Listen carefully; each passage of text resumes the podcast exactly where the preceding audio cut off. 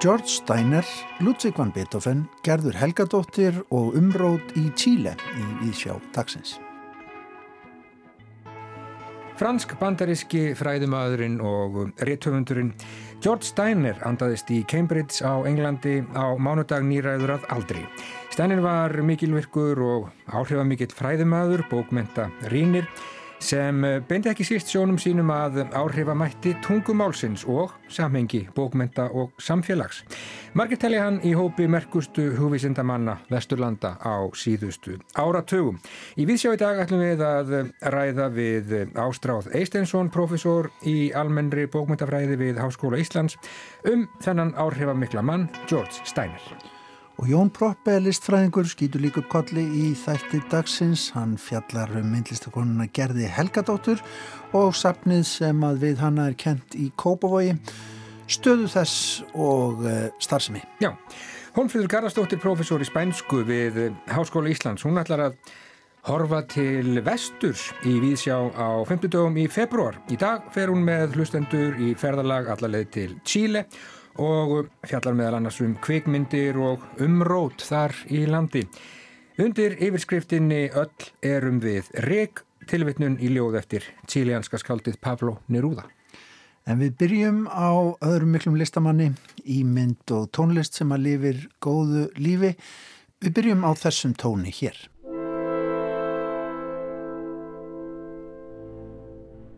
Árið 2020 er runnið upp og reyndar vel það langt liðið á árið sem hann finnst nú ekki að verið að brillera hinga til og enn grúfir myrkrið sig nokkuð rækilega yfir þetta blauta og kalda sker.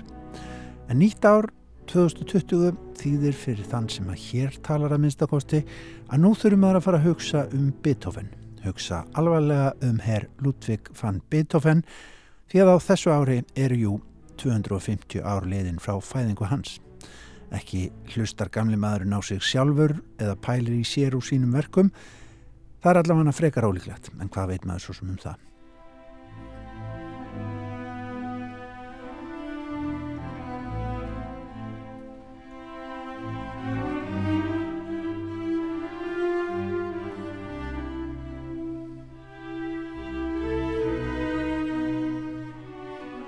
Fyrir móðvolkan tónlistar áhuga mann sem að eigrar óskipulega um víðlendar sléttur síkildrar tónlistar er herr Beethoven eins og bæði fjallið og Múhameð í senn.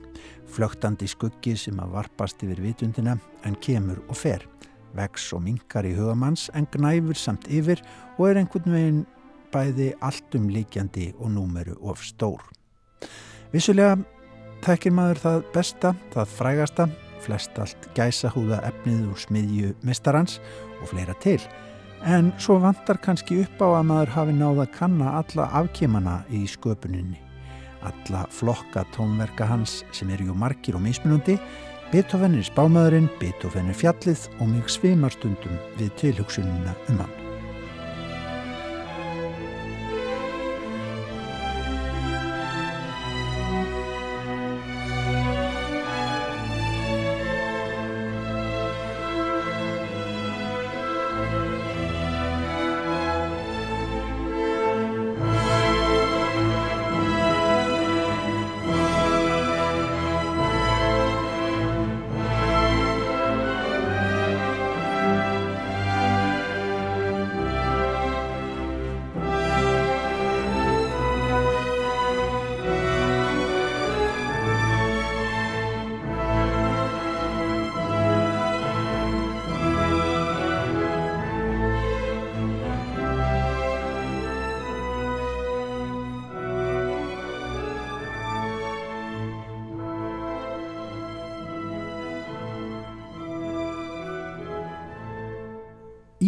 Tónskáldsins er eitt af því sem að framkallar þennan svima.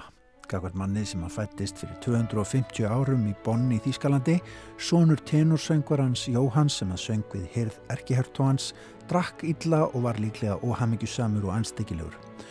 Og Marju sem að dó færtug úr Berglum eftir að hafa eignast sjö börn, fjögur þeirra dó í vöggum.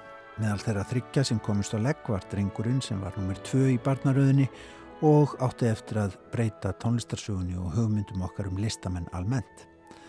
Og það eru þessar hugmyndir, þessi mikla ímynd sem að framkallar þennan flögtandi skugga sem maður upplifir af tónskaldinu. Beethoven er miklu starri en bara tónlistin hans, hann er hugmynd, undirstaða í vestrætni menningu.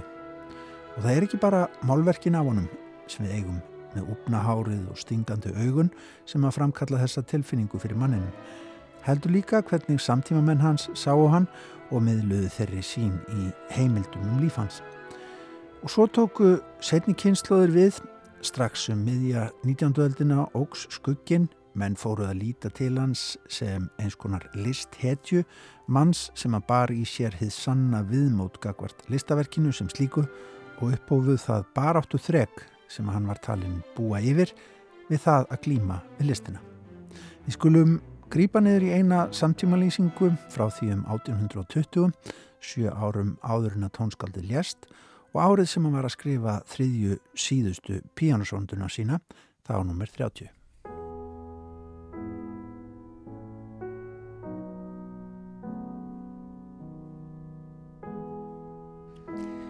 Allt við útlýtt hans er kröftugt, mikið af því grófgert, eins og beinaber bygging andlitsins með háu, breyðu enni, stuttu, hörðu nefi og hári sem stendur þrjóskulega upp í loftið, uppskipt í þykka lokka.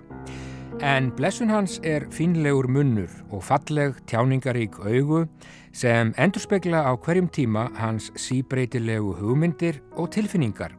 Heitlandi, ástúðlegar, ofsafengnar, fullar bræði, skelvilegar. Hver lítið hann vissi um veruldina og hver litlu hann skeitti um hefðbundin form og jarneska hluti. Þetta sást til dæmis á því hvernig hann hafði sig til á þeim stundum þegar hann samti sem mest af tónlist.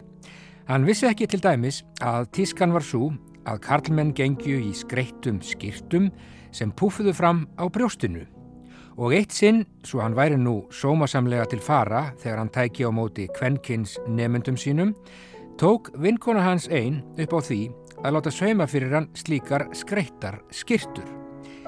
Til hvers er þetta? spurðan hana þegar hann sá skýrturnar. Ah, já, til að halda á mér hita, svaraði hann sjálfum sér og tróð skreitingunum undir vestið. Það er þessi ímynd, hins djúft sokna og sérviskulega listamanns sem að Beethoven er eitt allra frægasta dæmið um og sumt af tónlistinni sem hann samti lítar jú þessa ímynd listamannsins sterkum leitum Það er eins og maður finni fyrir að hann glými stanslust við andasinn og innblástur. En það gleimist auðvitað líka oft að í tónlistsinni var Beethoven líka stundum viðkvæmnislegur, gladlegur eða hlýr í verkum sínum, ekki bara eitt ógnandi þrjumu skí. Hann samti líka léttvæga tækifæristónlist, áhyggjulegs ástarlög og saklausar náttúrustemningar. Sem betufer, segir maður bara, annars hefði maðurinn jú auðvitað verið yfir strikið. Þá hefði vantað allt landslægi personuna og af landslægi á Beethoven No.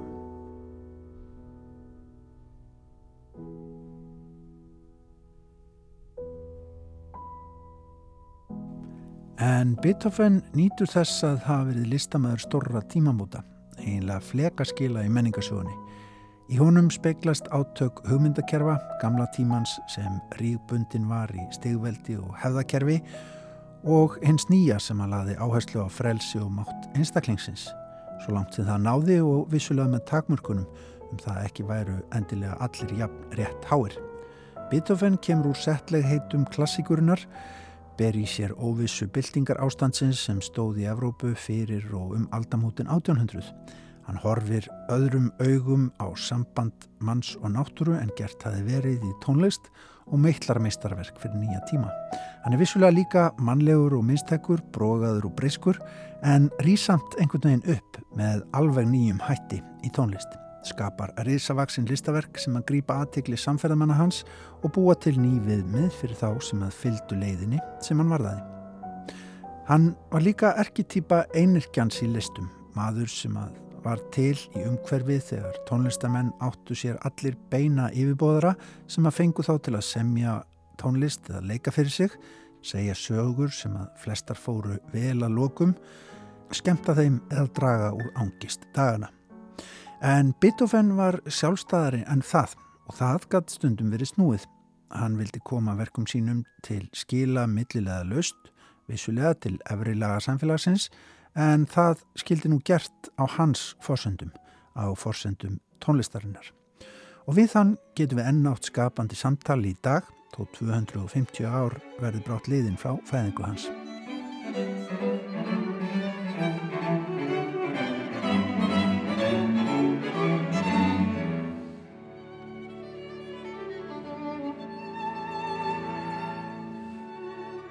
Eitt af örfáum áramóta heitum fyrir 2020 hjá þeim sem að hér talar var að hlusta meira, markvissar og nákvæmar á tónlist Beethovens, efna til samtalsins, gera kallin einhvern veginn upp, eins ólíklegt og það nú er að manni endist árið eða æfinn til þess.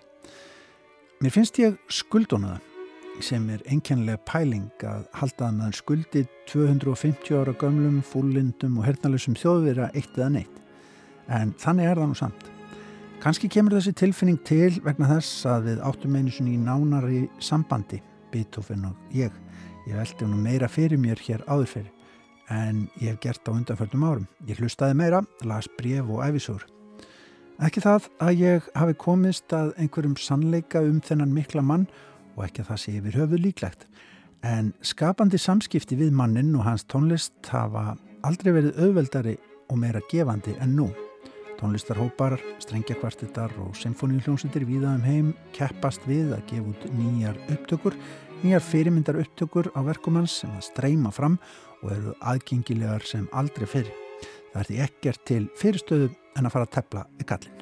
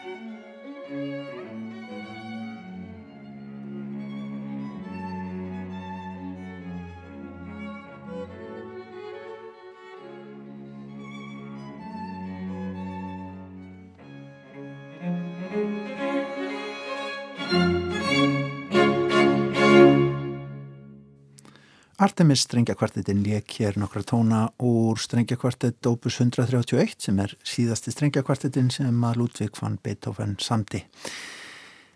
En við ætlum að huga að myndlist og huga að gerði Helgadóttur og sapninum sem að við hana er kent í Kóbói. Jón Proppe listfræðingur tekur við. Gerður Helgadóttir skipar stóran sess í íslenskri myndlist og nátt líka mikillar hilli í Fraklandi þar sem hún bjó mestan hluta æfinar. Hún hóf nám í handíðaskólanum 1945 aðeins 17 ára gömul og tveimur árum síðar var hún komin í listaakademíuna í Flórens, fyrst íslenskra listamanna. Henni líkaði þó ekki íhaldsemi kennarana í Flórens og flutti til Parísar þegar hún var 21 árs. Aðeins tveimur árum eftir það kom fyrsta engasýningin í einu af helstu galleríum abstraktlistamanna í París og vöktu verkanar mikla aðtigli. Árið 1952 held hún svo engasýningu í listamannaskálanum við Östurvöll sem markaði ákveðin tímamót bæði vegna þess að verkenar voru abstrakt og nýstáluleg en líka fyrir það að hún vann fyrst íslenskra myndtökvara í járn. Árið 1955 byrjaði hún svo að vinni gler og eftir það vann hún jöfnum höndum í málm og gler. Flestir Íslendingar muni hafa séð steinda glugga hennar í Skálholtskirkju, Kópavókskirkju og Hallgrímskirkju í Sörbæ, en hún vann eitthvað slík verkefni í nokkrar kirkjur í Þýskalandi. Þá vann hún líka með mósæk og mikilfenglegasta dæmið um það er stóra vegmyndin og tollhúsinu við Tryggvagötu í Reykjavík. Myndlist gerðar þróaðist hratt en það var hún vinnusöm og afkastamikil. Hún hafði ótrúlega sterka tilfinningu fyrir formum og efni sem greinilega má sjá í högmundum hennar. En hún mann líka tvívíðverk, tekningar og klippimyndir. Hún sótti inblástur fyrst og fremst í formfræðina sjálfa en líka til að mynda í dölsbyggi hugmyndir og heimsbyggi. Höstuð 1973. Einmitt þegar stóra mósækmyndin í Tryggvagötu var afhjúpuð, greindist gerður með krabbamein. Hún helt áfram að vinna meðan hún var í læknismeðferð en í mæ 1975 lest hún úr krabbameininu á landsbítalanum í Reykjavík. Hún var aðeins 47 ára þegar hún fjall frá og það er sárt til þess að hugsa hvað þessi atorku mikli listamæður hefði átt að vinna mikið og þróa list sína langt ef hún hefði lifað. Tveimur árum eftir andlátt gerðar ákvaðu ættingar hennar að gefa þau verk sem hún skildi eftir sig til Kópáksbæjar með því skiliði að þariði byggt listasapn sem skildi bera nafninnar og varveita verkin. Það var endar ekki fyrir 1994 að sapnið var opnað en þá var haldinn stór yfirlitsýning á listgerðar og gefin út vegleg bók. Það er vandasamt að taka við svo stóri listaverkagjöf og vandasamt fyrir listasapn að bera þannig ábyrð á verkum sem spanna allan feril mikilvægs listamanns. En í listasapni Kópavóks, gerðarsapni, eru alls 1400 verk eftir gerði að meðtöldum papísverkum og vinnutekningum. Það var auðvitað aldrei meiningin að sapnið syndi verkum gerðar einvörðungu. Heldur skildi það vera lifandi miðstöð myndlistar í Kópavogi og sína bæði verk úr sapnegninni og verk annara listamanna eins og orðið hefur. Á síðasta áratug hafa verið haldnar fjórar sérsýningar til viðbótar og verkum gerðar og gefin út enn vegleiri bók, auk smærri síningarskráa.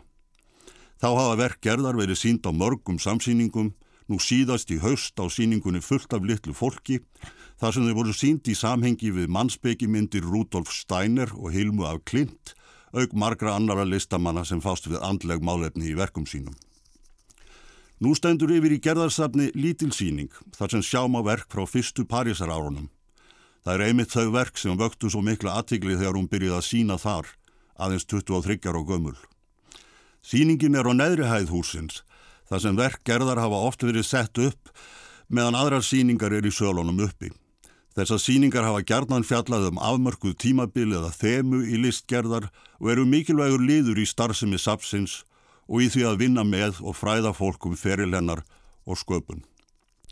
Gerðarsafn er eina listasafnið á Íslandi sem tilengað er konu, en nú stendur til að opnað verði fljótlega annað í Reykjavík tilengað öðrum frumkvæðli íslenskrar abstraktlistar Nínu Tryggvadóttur sem einmitt vann alltaristöfluna í skálholti þar sem gerður vann steindu gluggana.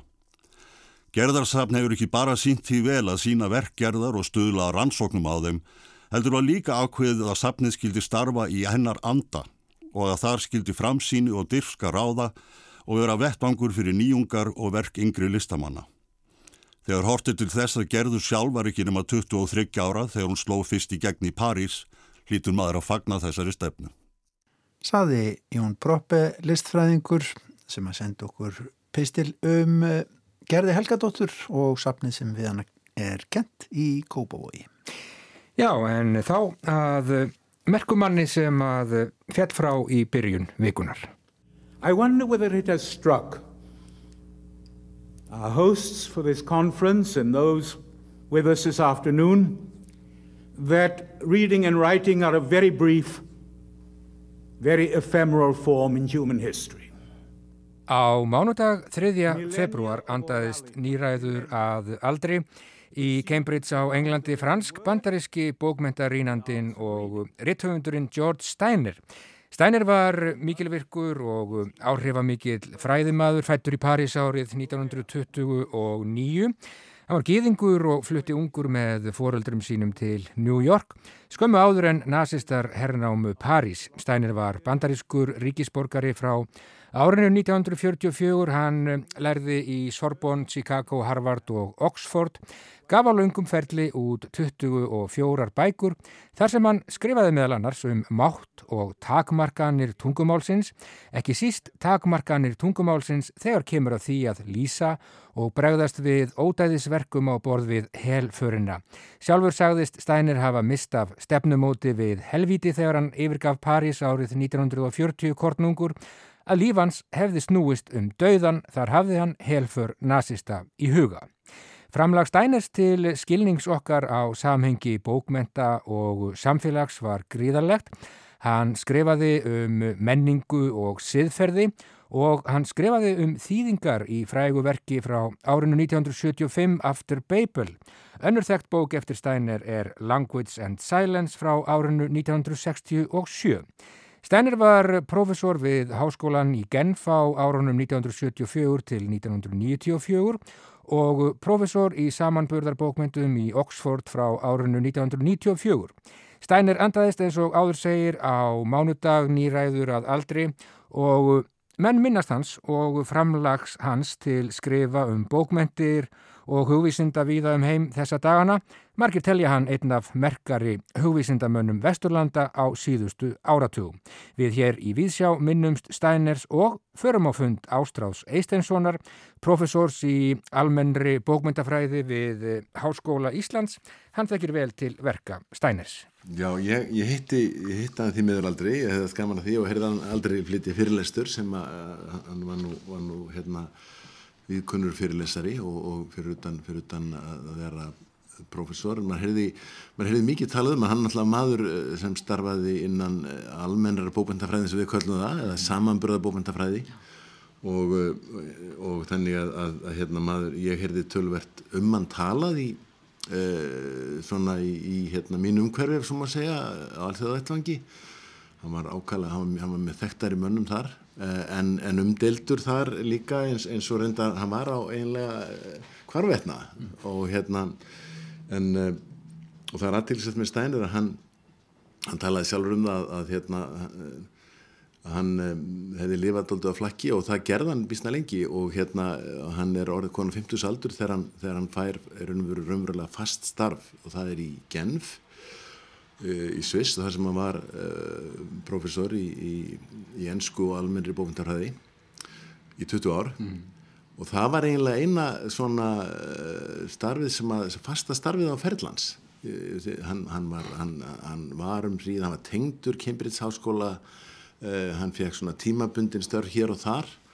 Og þetta er alltaf merkilegt um svona stóran og merkan fræðimann. Að þessu leiti var hann svolítið gýðingurinn gangandi ef svo má segja og hérna og ég maður það var stundum talað um það að þetta, þessi vistans í Sviss væri svona svolítið þessu útlegð það því að, að því að raunverulegu draumarans hefði verið að koma sér fyrir í, í Breitlandi hjá, í, í, í öðrum hverjum stóra háskólunum þar og en þar var hann ekki alltaf tekið, eh, tekið með fagnæðalótum Nei, eh, þannig að já, þetta er svona og, og eins og þú segir, saga, Steiners, persónusagan er mjög merkileg uh, því að hann hann eh, er eh, eftirlifandi í raun og segja úr helfurunni en, en á annan hátt heldur en flestir þeirra sem eru alltaf þessu en að fadir hans var, var hérna uh, fekk var snemma mjög hrettur við hræringarnar í, í, í Þískalandi og Östuríki þau byggu í Vín forðaði sér snemm, mjög snemma frá Vín. Hann var einlega ennþá viðkvæmir heldur til Stefan Zweig. Þannig að hann var farin frá Vín bara miðjan þriðja áratvín til Parísar. Mm og síðan, síðan bara mánuði áður en nazistar taka, taka París og þá, þá flyttur hann með fjölskylduna vestum Hartu, New York. Þannig að Steiner var alltaf með þessi sterkur tilfinning og hann var svo, hann rétt slapp. Já. Og, og e, Misti af stefnumótið helvíti, sagðan einhverstaðar Jújú, og, og það er eins og alltaf með, með þá sem er lifðu af það er þessi sektarkend mm. og hann var með sína ákveðinu tegunda sektarkend og uh, og var náttúrulega, þetta var á baksviði alls þess sem hann gerði í raun og veru eh, helfurinn og enda er enda, og það finnst mér mjög eðlilegt. Helfurinn er í raun og veru einn af skilgreinandi viðbyrðum heimsins á 2000 öld en það eru margir sem vilja einhvern veginn koma sér undan þessu undan þessari hugsun og hvað hann merkir við leitt helfurinn hún, hún vofir yfir öllum hans skrifum og, og hann er að skrifa meðal hans um er það ekki tungumálið og, og möguleika þessi eða öllu heldur takmarkanir þegar kemur að því að, að lýsa, lýsa svona hlutum tímanleist og þar hérna og, og, og þetta sko svo bók sem að ég hefur skipt mestu máli fyrir mig er, er, og er sumleiti, hans þekktasta bók heitir After Babel Já. og hún er einmitt um það sem gerist eftir ákveðið fall ákveðið syndafall ef sem má segja, það er að segja eftir Babels turnin er, er hérna Guð, Guð uh, lætur hann hrinja mm -hmm. kemur í veg fyrir að hann, hann nái til himna Já. og dreifir þar með tungumálunum um heiminn og skapar, skapar ringulreið og þetta er forsendur þýðinga. Við þurfum að þýða, við þurfum að fara millir tungumála, millir menningarheima, við þurfum að geta rætt saman þrátt fyrir hinn ímsa mismun sem greinir fólkið að og þetta það er ekki, það er raun og veru eh, ekki, ekki svo skrítið að, að geðingur eins og hann skildi einmitt fara inn í þetta, inn á þetta svið mm -hmm. og skrifa um það svona merkilega bók uh, sem að ég sumir reyndar í þýðingafræðunum sem, sem ég hef nú starfað mikið þeir þeir er ekki hressi með allt í þessari bók. Hann var, var stórlindur maður og Steiner eh, fulleringasamur eh, um leið var hann svona generalisti. Hann, hann var hérna, eh, margtingdur gríðarlega viðlesin en flakkaði svolítið mikið um heiminn í því sem hann skrifaði og, og stundum skortan kannski svona staðbundan þekking á vissum hlutum. Meðan var alltaf verið að hangan á, á því að, að, hérna, að það vantæði svona einhverja nákvæmni og nýtmiðun og þannig að það er mjög merkilt að það sem að les um hann er, það, það er ótrúlega mismunar af því, sem, sem er hjóla í hann uh, hundfúlir en aðri telja hann bara vera með merka, merkari hugvísindamönnum á Östurlundum síðustu áratvíðina. Já, ég var að skipt þig máli, ég sé að þú ert með bók þína tvímæli hér fyrir framann þig, Já, ég, bók sem að fjallar um, um þýðingar einn meitt. Og ég, ég higg ekki til að segja það að, að bókin Eftir Beibuli er, er einn af, eitt af þeim verkun sem að voru, voru mér mikill innblástur. Og hérna og ég, ég hérna, já, fyrstu nefnir þetta, ég var einmitt að þegar, þegar þú hafið sambandið með þá flett ég upp hérna því sem ég segi hér um Steiner og það er að mati hans eru þýðingar eins konar leikil að skapandi afli tungumálsins mm -hmm. sem hann sér ekki síst í því að tungumál lætur aldrei staðla sig. Meðal annars vegna þess að samfélagið er ekki óskoraður eigandi tungumálsins heldur býr sér hver einstaklingur yfir eigin málheimi Málið verður aldrei full kunnugt, það er ávalt mert annarleika og erfitt að kyrsetja það. Það er með öðrum orðum opið og jáframt nátengt hugsun og innræðtali einstaklingsins um framtíð, frelsi og óvissu. Mm -hmm. Og að sögðu þessu sem að, sem að, hérna, eh, sem að ég nefndi á þann, að, að þá skilum aður að hann hastlæði sér vall þarna. Já. Á þessum óræða velli, það sem, það sem enn eru er, er margt opið mm. og, og, og tungumálið er, er, er hérna skapandi afl sem að þýðingar virkja stöðut ja. og, og jáfnframt ger okkur kleift að fara á milli mála en það er ekki auðvelt ferðaleg hann, hann, hann er algjörlega ansnúin öllum svona auðveldum aðlugunum í þýðingum.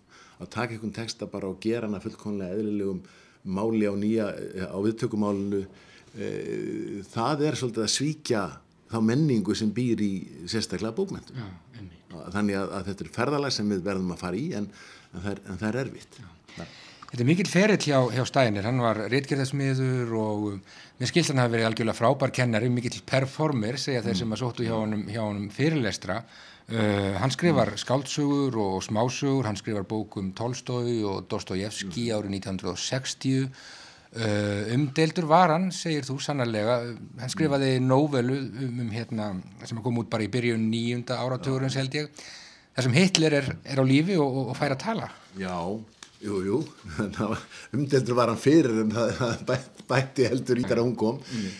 uh, og uh, þessi já, það var 81 held ég sem þessi, þessi nóvela kom út og fluttningur að há til San Cristobel ef ég mann rétt. Já Uh, og, og hérna að háið náttúrulega Adolf Hitler og, og sem sagt að það, sem sagt að hann hann finnst í, í, í uh, frumskóum í Amazon frumskóinum eitthvað staðar 30, 30 árum eftir að stríðun líkur og hefur þá komist undan og og, og og hann það fara fram samræður í, í þessari skáldsögu að sem að Hitler fær að tjá sig og það er sko þetta, það eru margir geðingar gríðarlega viðkvæmir fyrir þessu verki en meðan að aðrir, aðrir hefur staði að hérna eh, og, og hann lætur svona hluti flakka eins og Hitler segi sko að það sé honum og helförinni að þakka Ísraelsríki var til. Og þetta er náttúrulega bara eins og að bomba og að geðingur skuli, skuli skrifa þetta. Eh, það náttúrulega hefði kannski engin annar geta gert það því að það hefði verið fordæmt en, en það er geðingur sem skrifa þetta og, og er, er í raun og veru að, að neina líta á þessa spennu sem er milli annars vegar helfararinnar og hins vegar Ísraels ríkis eh, eins og það hefur tróast og, e, og sérstaklega held ég að þetta að Hitler fá að taka til máls. Mm. og Steiner í raun og veru lætur hann, hann, er, hann sko gerir ekki, hann er ekki hann, hann er ekki, hann er ekki endilega andmælt í verkinu. Lesandin á að á sjálfur að meta það sem Hitler segir. Já þannig hann er þetta svolítil áskorun fyrir áskorun sko, já, fyrir sjálfstæði resandans eiginlega, eða áskorun um sjálfstæði resandans, mm. uh, Stænir auðvitað ekki einnum það að reyna að tekla þetta já, vandamál, hvernig menn bara yfir höfu taka til máls eftir, mm. eftir hrylling uh, helfararinnar það mm. gerðu þetta heimsbyggingar og, mm. og skáld og, eh, en, en Stænir hann var sko hann skrifaði það að, að sko, menn geta lesið Göte og Rilke á kvöldin hlusta á Bach og Schubert mm. og farið svo daginn eftir í vinnuna sína í Auschwitz. Þetta var hann mjög mikið undrunar efni í raun og veru hvernig, og hann er að skrifa alltaf í raun og veru um sko, já, menninguna og siðferðið, te tengslinn þarna á milli. Hvernig er þetta hægt? Já, já og, og einhver leiti kann þetta og hlýtur eiginlega að vera á bakvið eina bókumann sem heitir Dauði harmleiksins, mm -hmm. Death of Tragedy, sem að sko harmleikurinn í, í þessum viðtækaskilningi ákilningur heima í, í, í veröld nútímanns vegna Nei. þess að það er eitthvað, hann sá veruleikir orðin eiginlega svo, svo röggvættur og, eh, og, og, og það er náttúrulega eh, ljóst að, að, að það kom þarna er raun og veru ákveðin sönnun á því að menn geta menn geta að lifa svona eins og segir halvan daginn kannski eins og humanistar og svo bara er, er gengið í að slátra fólki svona í róliheitunum Uh, og, og sama dag og hérna hvernig, hvernig gæt þetta gerst og það hjá þjóð sem á þeim tíma var, var mentaðasta þjóðveraldar? Þjóðverar og uh, þannig að þetta er náttúrulega einhvern veginn spurning sem að voru verið ennþá yfir okkur. Já. Hvað finnst þér svona bara undir lokin áströður, hvað, hvað svona að þínum að þetta stendur uh, stendur upp úr af því sem að George Steiner skildi eftir sig Ég myndi, eh, sko hann er mjög mikilvægur fyrir þýðingafræðina, ég held Aftur Beibul sé, sé verk sem að muni lifa áfram og verða, verða, verða, verða hérna, áskorun fyrir okkur í, í, á því sviði, mm -hmm. eh, en líka innan almennu bókmyndafræðinar, hann er hérna, eh, hann var umdeldu fyrir það að vera generalisti, fyrir að vera, fyrir að hérna, eh, þennja sig og viða og við náttúrulega sem störm á þessu sviði búum svolítið við þetta, þeir sem ekki sérhæfa sig í bókmyndum einnar þjóðar, og, og verða, verða hérna, geta svona bara farið með alla sína orku í það heldur telja nöðsynlegt að tegja sig millir menningarsvæða, millir tungumála og standa í, í þeirri flutningastar sem allir saman. Uh, og hann var, það var delt harta á hann fyrir þetta en, en hann var mjög ákveðin líka í vördsinni, hann, hann sagði að það er nöðsynlegt að, að hafa víðamenningar sín og það sem er virðingavert líka er að hann bar hann ekki bara á borði í akademíinu, hann var eiginlega alla tíð mjög virkur í að skrifa fyrir almenning halda fyrirlestra eins og þú nefndir uh, hann skrifaði tímaritt uh, dagblöð, stöðugt, áratugum saman Já. þannig að, að hérna, og, og, og, þeir sem að tala um jákvættum hann, þeir, þeir segja að hann hafi raun og veru hann hafi lift uh, hugtækinu kritik upp á raun og svolítið aðra plan, mm. hvað það merkir að vera, vera gaggrínandi Já. og það, ég er ekki ferið því að það sé rétt Já George Steiner allur hann andaðist í Cambridge á mánudag 3. februar nýræður að aldri. Já, líf mitt hefur snúist um dauðan sagði hann einhver tíman og nú er hann allur.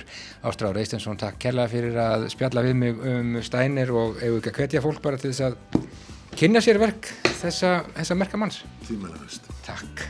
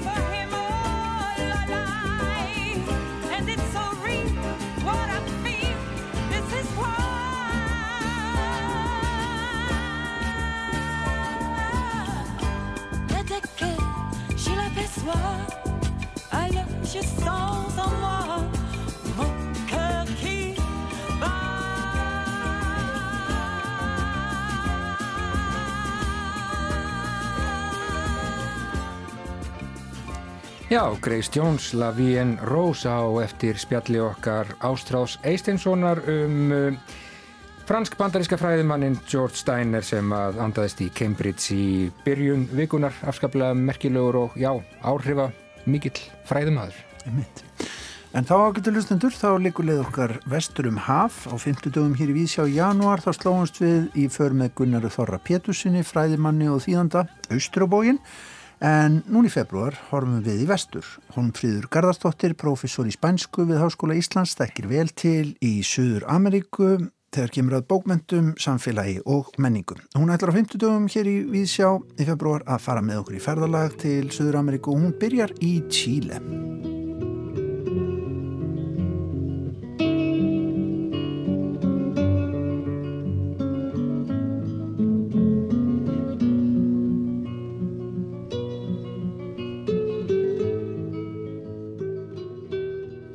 Síleska ljóðskáldi Pavlo Neruda sem fættist árið 1904 og lést á því róstur sama ári 1973 rétt eftir valdatöku Hessens í Tíli segir í ljóðinu Demasiados Nombres eða Öll erum við rík í þýðingur Hrafnildar Skram Mánudagar hafa blandast þriðjötugum og vikan við allt árið.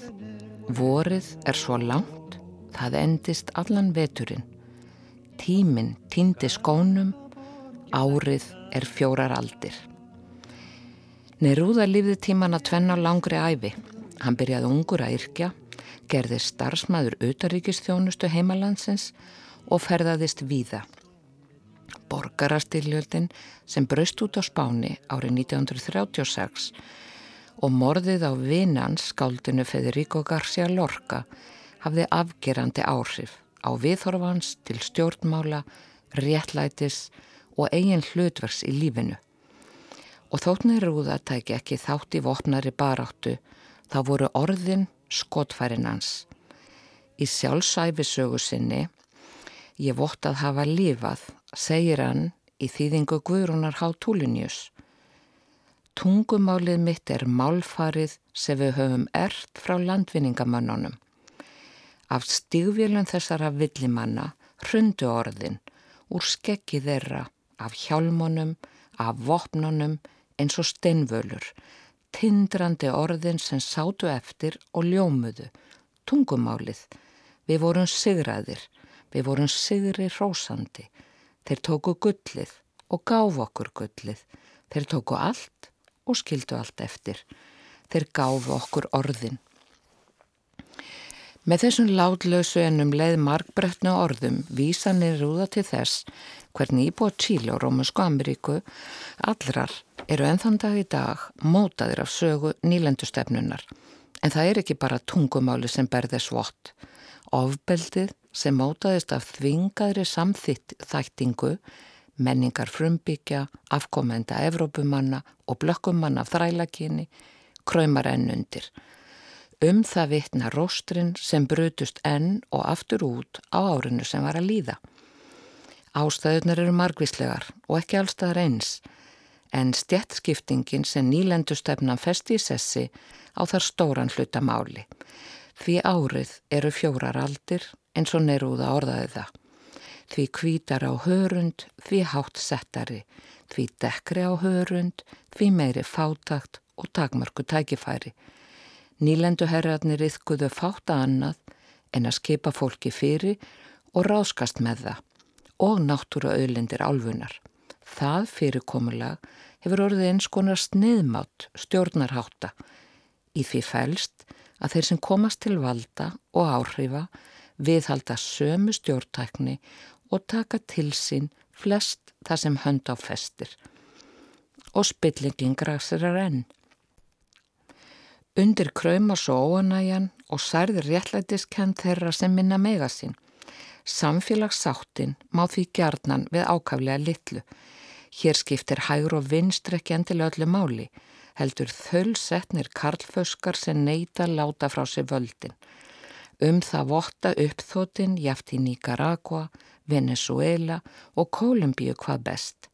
Vil í smáríkinu Ekvator, þaðan sem fátt hafði herst um ára bil að undanskildum fréttum að því að frumbyggjar áttu enn og eftir undir höggasækja vegna sóknar erlendra oljufyrirtækja inn á lönd þeirra á Amazonsvæðinu. En af öllum þessum róstrum komu uppþóttinn í Tíli síðastlið haust og endur svo allan veturinn eins og Nerúða orðaði það flestum hvað mest í opna skjöldu. Öll byrjuðu lætin þeirra hækka átt í gjöld í almenningssamgöngur. Í fyrstu voru það notendur þjónustunnar aðalega námsmenn og verkafólk sem sapnaðist saman á Plaza Italia. Stóru opnum við almenningssvæði í miðborg höfuborgarina Santiago. En brátt bættust kennarar, hjúkurunafræðingar, ellilífurist þegar heimavinnandi húsmæður og atvinnulegs ungmenn í hópin og allt fóru böndanum. Það sögð upp úr Chile despertó eða Chile vaknaði rópaði fólkið sem kom saman svo hundruðum þúsunda skipti dag eftir dag, viku eftir viku.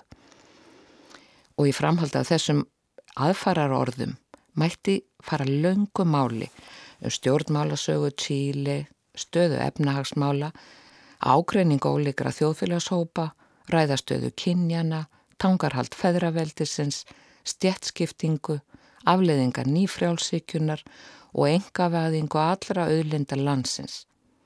Meira segja vatsins. En ég ætla ekki að gera það hér og nú því að það um það má fræðast á kvikmyndadögu námsbröytar í Spænsku við Háskóli Íslands næstu þrjá miðugudaga í veröld húsi Vigdísar. Ég ætla frekar að beina sjónum af þeim sköpunarkrafti sem losnaður læðingi við aðstæður sem þessar. Frá því á fyrsta degi spruttu upp aðgerarhópar af öllum mögulegum stærðum og gerðum.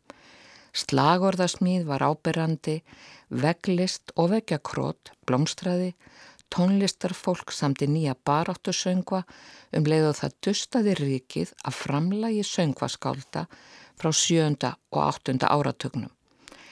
Aðri sáum að dreifa blöytum klútum til mannfjöldans til að verjast í að fá táragassið í öndunafærin Úðabrúsar geng á milli manna því að skóla þurfti óþveran úr augunum. Unga fólki myndaði öryggisveitir einskonar utanum hópa eldriborgara. Tjaldbúðun læknanema sem syndu fyrstu hjálp var komið á lakirnar og svo var auðvitað bakað og eldað því að fæða þurfti alla þá sem stóði í fremstu výlinu. Það voru einhver sérstök tegund áræðis í loftinu sem á stundum var til þess að það sló í brínu en það gerðist alla jafna undir kvöld eftir sólsetur og þeirra flestir höfðu haldið heimáleið, gangandi, því að lengi vel voru einhver almenningssamgöngur virkar. Öll starfsemi hins ofinbera lamaðist og fólk hafði tíma og orku til að fá nýjar hugmyndir. Fyrst í stað var reynda máli við vekkjakrótið en það var ekki við neitt ráðið. Brot úr ljóðum Nerúða, tilvitnanir í söngva Viktors Hara og Violettu Parra máttu sjá víða. Fánar Mapuche indjána, blöktu við húni og frjálsir leikhoppar settu saman stutta innþáttanga sem fluttir voru hér og hvar á gödumúti. Mesta aðtikli hafa stelpunar í la ég og aða eða rissurnar eða byggjurnar valdið. Yfirskriftin vísa til lauruglusveit á hestbaki sem farið hafa um borgir landa álfunar allt frá tímum yfir á það Evrópumanna. Það er hæðast af valbóðs tilburðum lauruglumannana sem knæfa yfir merðinni á stórvöxnum gæðingum sínum. Samtímis því að afhjúpa á ákaflega myndræðan hátt þá nöðgunamenningu sem viðgengst og enginn virðist bera ábyrð á eða vera nokkru sinni ákjærður fyrir. Það er byrtast óvænt. Tíu, tuttugu saman, stilla sér upp fyrir framann lauruglumannana, flokka sem eftirvillir að gæta ofinbera bygginga eða mynda raðir fyrir framann mótmælendur. Þær klæðast þraungum kjólum úr hermannagrænu efni og á milli fóta sér hafa þær komið fyrir síðu takli. Þær ímist krækja saman handleggjónum og fegra sig alveg upp á skjöldum lauruglunar og kyrja texta um kymbeldið ofbeldi eða þylja upp nöpp stúlkna sem hafa horfið, verið nöðgað eða látist í umsjón yfirvalda. Þær kalla gjörningana að poner el cuerpo eða nota líkamann í pólitískun tilgangi. Stelpunar í lagi og aða, rétt eins og stelpunar frá Valparaíso sem áttu hugmyndina að gjörningnum um ofbeldismennin á leiðinni og farið hefur sem eldur í sinum allan heim, sækja afl til orðanir rúða. Því í pislinu sem ég vitnaði til hér áðan segir hann Heil hugmynd breytist af því að eitt orð er flutt úr stað og um leið og aðgerarhópur ungra kvenna í Tíli nota orð og tungumálið til að tjá sig þá er það líkaminn, kvennlíkaminn sem þær flytja úr stað bæði í orðsins fylstu merkingu og takkrænt. Er færan á nýja slóðir til að hugmyndir breytist. Engin veit nöfn þeirra og þær kom og fara fyrirvara lust því þær, eins og við öll, er hún rík og berast með hreyfiabli og orgu andófsins, jafnvel allalið hingað upp á rúf.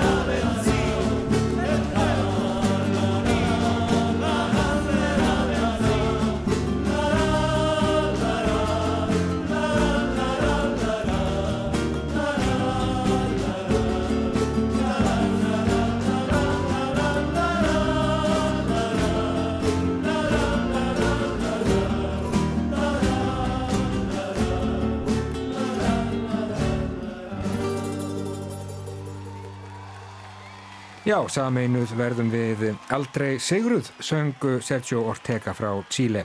Á því róstu sama ári 1973 Holmfríður Garðarsdóttir, profesor í spænsku við Háskóla Íslands og umrót í Chile. Holmfríður, hún ætlar að fara með okkur vestur um haf hér í Víðsjá á 50 dögum í februar og færa okkur fróðleik frá Suður Amríku, þessari mjög svo litríku álfu heyrum aftur í Holmfríði að viku liðinni.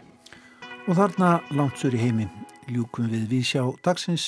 Við verðum hér aftur á þriðdægin næstu viku. Bendum á að við erum með úrval á sunnudum úr þáttum vikunar klukkan 14 en annars bara heyrjumst í næstu viku. Verðið sæl. Nákvæmlega takk fyrir samfélgina, verðið sæl.